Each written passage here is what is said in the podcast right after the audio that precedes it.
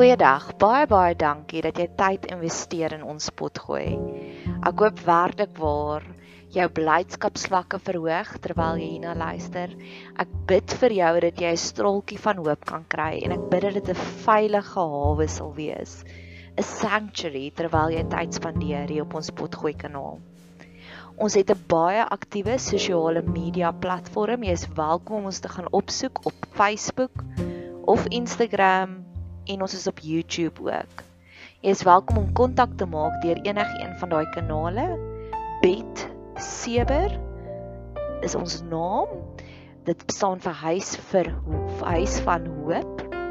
En ons geniet dit wanneer mense deel raak van ons gemeenskap. So indien jy enig op enige manier wil deel raak van ons gemeenskap, stuur asseblief vir ons 'n boodskap hê. Ons kom Vrydagoggende bymekaar en dan gee ons bietjie vir mekaar liefde, sissie liefde. Jy's welkom om deel te raak van ons gemeenskap deur om hierdie potgoeie te deel met jou vriende en familie of jy kan lekker kreatief raak om deel te raak van ons laat daai kreatiewe juices bietjie vloei. Ek het op nou onlangs gehoor van 'n ander potgooi kanaal wat vertel het die persoon het vir haar koek gebak om hulle verjaarsdag te vier. So laat jou kreatiewe juices vloei. Ek hoop jy geniet hierdie kuiertjie op ons potgooi kanaal.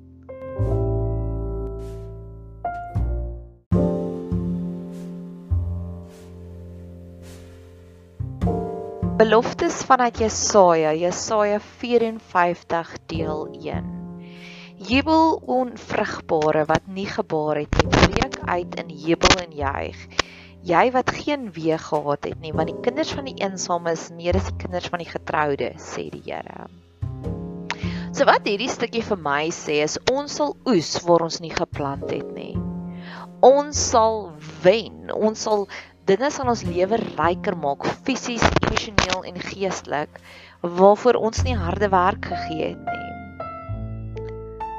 Mag ons net meer en meer hierdie belofte sien. Oes waar ons nie gesaai het nie.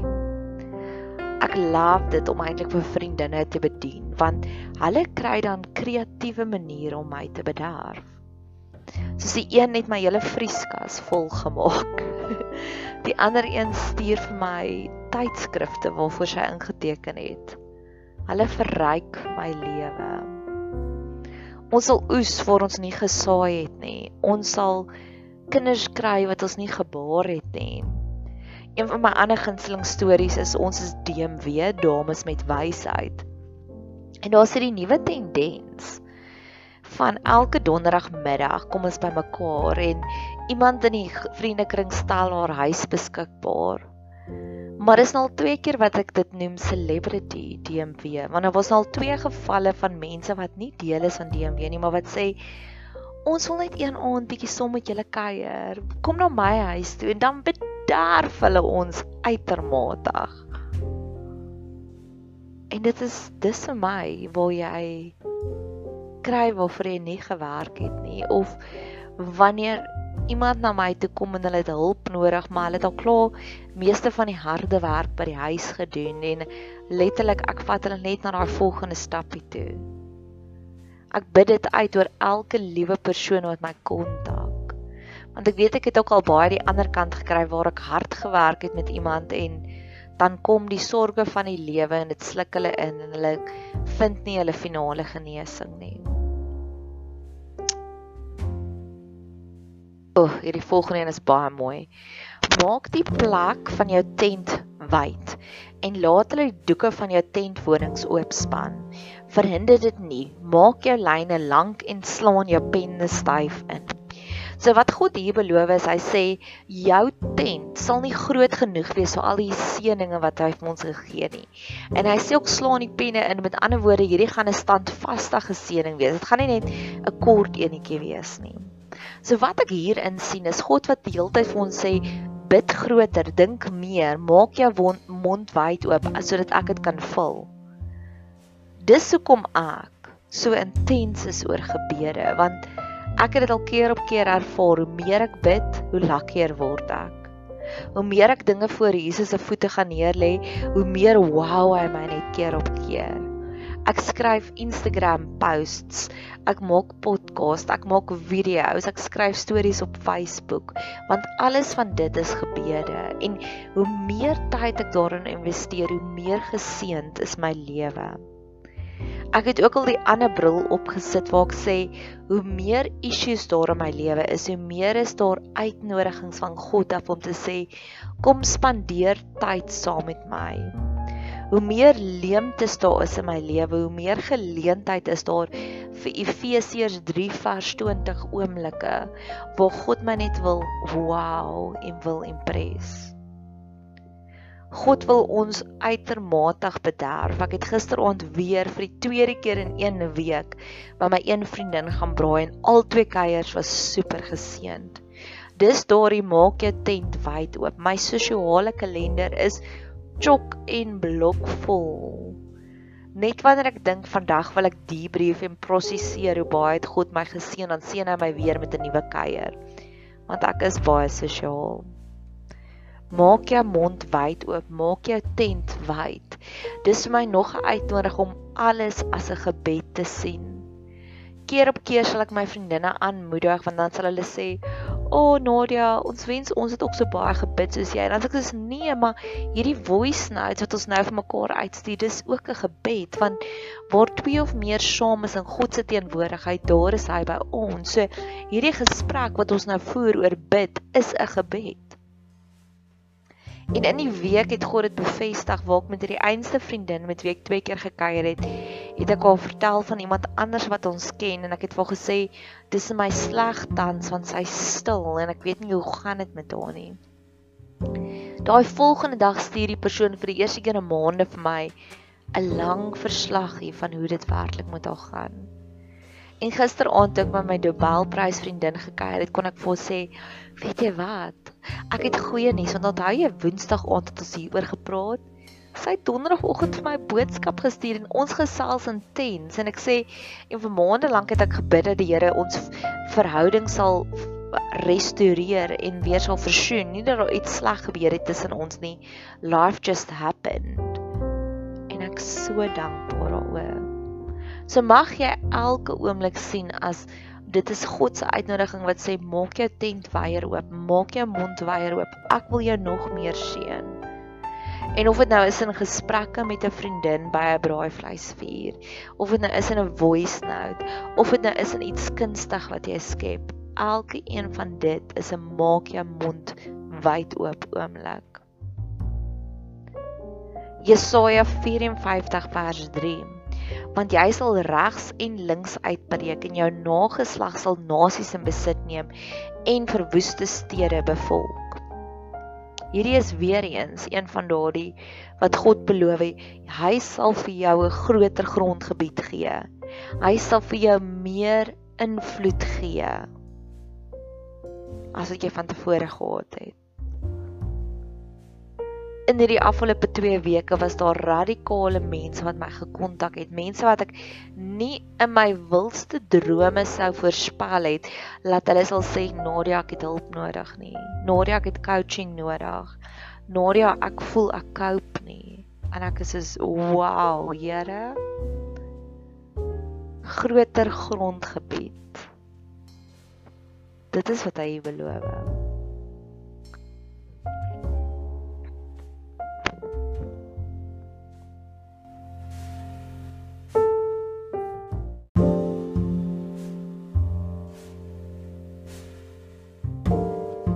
Jesaja 54 vers 4. Wees nie bevrees nie want jy sal nie beskaam staan nie en vrees gaan en vrees geen skande nie want jy sal nie nodig hê om te bloos nie. Maar jy sal die skande van jou jonkheid vergeet en aan die smaad van jou weresweeskap nie meer dink nie. Soos ek genoem het, my een vriendin het nou onlangs 'n boek geskryf oor haar kindertrauma en ek wil dit oor uitspreek mag sy die genesing vind waarna sy so intens op soek is want ek weet hurt people hurt people maar gesonde mense deel gesondheid uit. En ek glo dat die Here en sy hele leermag van engele is agter ons wanneer ons 'n tikkie genesing gaan soek. Ek wil stil staan by daardie smaad van jou weduweeskap Dit kan 'n emosionele weduweeskap wees. Dit kan wees waar jy dalk in 'n huwelik is en jy voel jy is nie aanvaard nie, jy is nie geliefd nie. Of jy kan dalk wees soos ek wat letterlik 'n bachelorette is. En die Here het daardie vir my genees want vir 'n lang ruk sou ek weggeskram het as iemand vir my gesê het so was jy nog nooit getroud nie. Dan ek sê okay nou nou judge hulle my. Maar ek het dit vir die Here gaan gee en ek het vir die Here gesê leer my om selfs dit as 'n getuienis te kry. En ek het begin om vir mense te verduidelik om vir hulle te sê nee, ek was nog nooit getroud nie. Ek het al baie genesing gaan kry. Ek glo net ek is heeltemal te vol nonsens op hierdie stadium met ander woorde. Dit moet iemand regtig waar spektakulêr wees saam met wie ek bereid is om die lang pad te stap. En ek's baie bietjie en die Here seën my. Ek het ja, ek het baie ek het 2 weke terug het ek weer op 'n date gegaan en toe sê ek na die tyd te voel ek dit vir my o, sê hierdie was net jou desperaatheid meter om te toets. Gaan jy so desperaat wees om vir iemand te val wat heeltemal buite jou verwysingsraamwerk opereer? En keer op keer sal ek journal van die hoeveelheid diep koneksies wat ek het met mense en veral met mans en dan wonder ek met myself Ek wonder of as getroude vrouens ooit so vervuld soos ek vervuld is. Het hulle soveel van soos ek van het? So die Here het letterlik my grootste smaak, die feit dat ek nog nooit getroud was nie, omgedraai in 'n wonderlike avontuur. En ek vertel dit nie vir jou indien jy nou al 25 jaar gelukkig getroud is om te sê, ooh, sky of dat hy dieselfde weer kan gee nie. Al wat ek vir jou wil vertel is God het my grootste smaad omgedraai, my grootste skaamte in 'n wonderlike, kreatiewe, lekker, avontuurlike plek. En dan die volgende storie wat ek het waarmee ek jou wil bedien is bietjie ligter. Hy praat jy sal nie nodig hê om te bloos nie. Nou oor die algemeen is ek super produktief en ek weet ook ek journey ook met die Here daaroor dat my my wortel vir my produktiwiteit is nie altyd 100% opreg nie. Partykeer is dit net sal ek so produktief wees omdat ek 'n groot vrees vir 'n mislukking in my lewe. So ek journey ook daarmee om te sê, Here, help asseblief dat my produktiwiteit gedrewe is uit 'n vol tentjie uit en nie uit 'n vrees vir mislukking nie en dis Murphy's law want daar is baie dae wat ek uitermate hard werk waar ek 6:00 in die oggend begin tot 6:00 in die aand. En dan sal ek geen onverwagte kuiergaste kry nie maar my ou maat die een dag wat ek voel as ek nou gaan podcast maak gaan dit uit my ego uit wees. Dit gaan nie uit geesgedrewenheid wees nie. En dan gaan lens slaap ek 2 ure in die middag op daai dae sal daar iemand hier instap en soos o, ekskuus slaap jy? En dan Jesus, okay, hulle het geen idee. So dis Murphy's law. Elke keer wanneer ek len rus, dan sal iemand hier aankom. So ek wil dit ook vir die Here gee want vir my is dit skaamte want dan dink hulle, o ja, sy sê altyd sy werk uit 3 dae 'n week, want 2 dae 'n week bedien sy, maar elke keer as ek daar aankom en len slaap sy. En nie dat ek 'n slaperige mens is nie, inteendeel, meeste van die tyd lê ek net daar en wag vir die Here om vir my te minister. So dis 'n diep meditasie, maar op daai dae. Of my ander ding wat ek ook vir die Here wil gee, soos nou is my huis baie onnetjies. Hy's nie vuil nie, hy's net onnetjies. Daar lê 'n serp, daar lê my mond geen boek. Daar lê die lamineringsmasjien, maar wat ek sal doen is ek sal gewoonlik my huis in totaal en al 'n chaos los tot op die dag wat ek kreatief is. En dan sal ek tussendeur pot gooi want ek kan nie vir 5 ure lank aan een praat nie, my stem sal dit nie maak nie.